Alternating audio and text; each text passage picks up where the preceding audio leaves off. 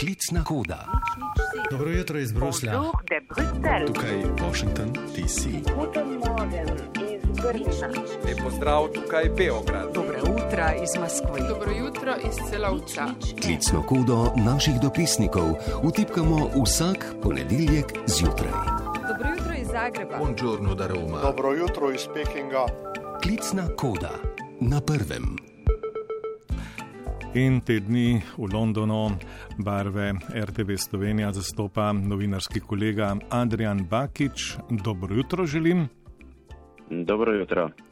V Združenem kraljestvu se bodo torej danes poslovili od priljubljene kraljice Elizabete II., ki je po več kot sedmih desetletjih na prestolu preminila 8. septembra. Današnji državniški pogreb je vrhunec žalnih slovesnosti in ne nazadnje rezultat več desetletij podrobnega načrtovanja. Poznavalci in kronisti pravijo, da gre za največji pogreb v zgodovini. Adrian, kaj visoka udeležba pove o kraljici? Ja, torej, resnično veliko število visokih političnih gostov, članov monarhij, predsednikov vlad držav je zdaj tukaj v Londonu in to verjetno najbolj govori neko, o nekem velikem spoštovanju eh, pokojne kraljice Elizabete II. v svetu, v mednarodni skupnosti. Resnično veliko je sporočil iz vsega sveta v zadnjih desetih dneh prišlo v London z izreko sožalja, spoštovanja. In pravzaprav niti ni neko presenečenje, da se je tolikšno število visokih tujih gostov odločilo priti v Združeno kraljestvo. Um, ne na zadnje, kot rečeno, kraljica Elizabeta II. je vladala 70 let, srečala se je z nešteto politiki različnih obdobij. Začela je leta 1952, kar se nam včasih zdi skoraj da nepredstavljivo. Torej, kaže tudi na neko zgodovinskost, njeno pomembno, dolgoletno vlogo v mednarodni politiki, v svetu, dolgo vladanje in vsemu temu se želijo pokloniti. Kakšen pa bo London na dan pogreba? Ja, najbolj preprosto lahko rečem, polno omejitev, razno raznih zapor. Eh, Danes bo praktično nemogoče premikanje po Londonu, številni, ki želijo imeti mesto ob teh ograjah, ob katerih, ob pri, pri ulicah, po katerih bo potekal še zadnji sprevod kraljičine krste, torej od Westminsterske opatije proti uh, Wellingtonovemu slavoloku, odkudar jo bodo potem odpeljali v Windsor. Torej ob teh ulicah so ljudje tudi prenočili, da bi le imeli mesto in še zadnjič videli, videli kraljičino krsto.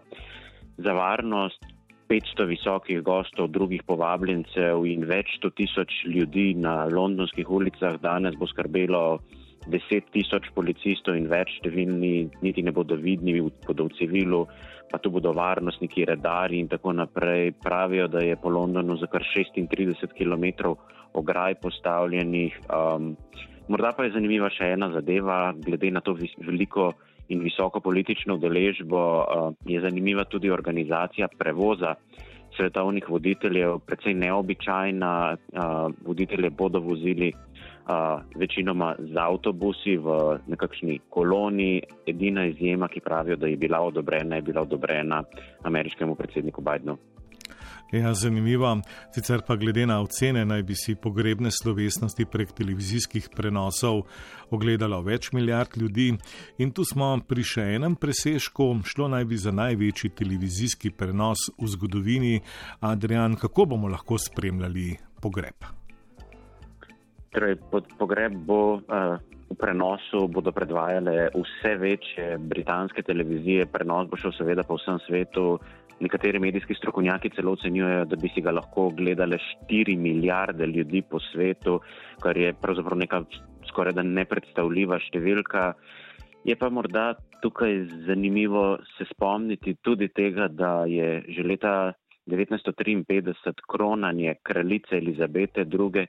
Takrat bil nek pomemben televizijski uh, trenutek, saj je takrat televizijsko občinstvo prvič preseglo radijsko, tako da je ta neka navezava tudi zanimiva. Tukaj v Združenem kraljestvu bodo sicer uh, pogreb prenašali tudi na velikih zaslonih v številnih večjih mestih. Največ ljudi v Londonu pričakujejo v Hyde Parku kjer pravijo, da bi se jih lahko zbralo celo 100 tisoč.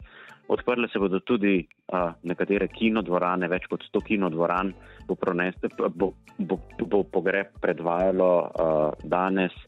Um, predvajali pa ga bodo celo nekateri pubi, večina zadev bo danes, ko je v Združenem kraljestvu državni praznik zaprtih, vendar pa nekateri pubi so se odločili, pa, da bodo odprli prej in predvajali pogreb, da bi si ga lahko ogledalo še več ljudi. Sicer pa si v London prišel dan po smrti kraljice, se še kaj drugega dogaja v državi ali je resnično smrt zasenčila vse ostalo?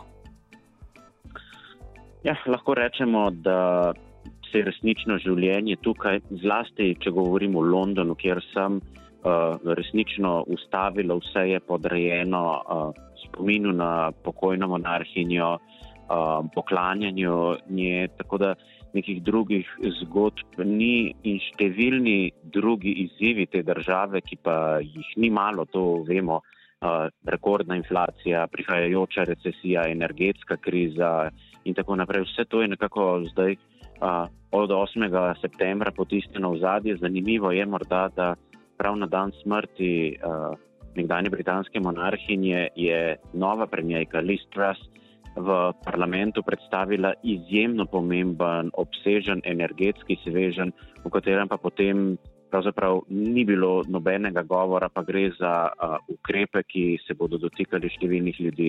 Verjetno lahko pričakujemo, da po pogrebu in po koncu tega državnega žalovanja uh, se bodo uh, vrnile tudi te teme in se bo uh, Združeno kraljestvo vrnilo k vsakodnevnim um, izzivom. Ja, in takrat bodo tudi ljudje, državljani, prebivalke in prebivalci razmišljali o vseh teh vsakodnevnih tegobah. Sicer pa so ljudje za poklon kraljici res čakali ure in ure. Nam se morda zdi to kar malo nenavadno. Adrian, ti si se z nekaterimi tudi pogovarjal. Kaj so ti povedali? Zakaj takšna odločitev in takšna ustrajnost? Ja, morda je res nekako težko razumeti in začutiti to uh, naklonjenost, spoštovanje do kraljice Elizabete II., kot ga lahko čutimo tedni tu v Londonu in seveda tudi prej še na Škotskem, kjer so se poslavljali od nje. Uh, ljudje se preprosto želijo zahvaliti kraljici, um, se ji pokloniti.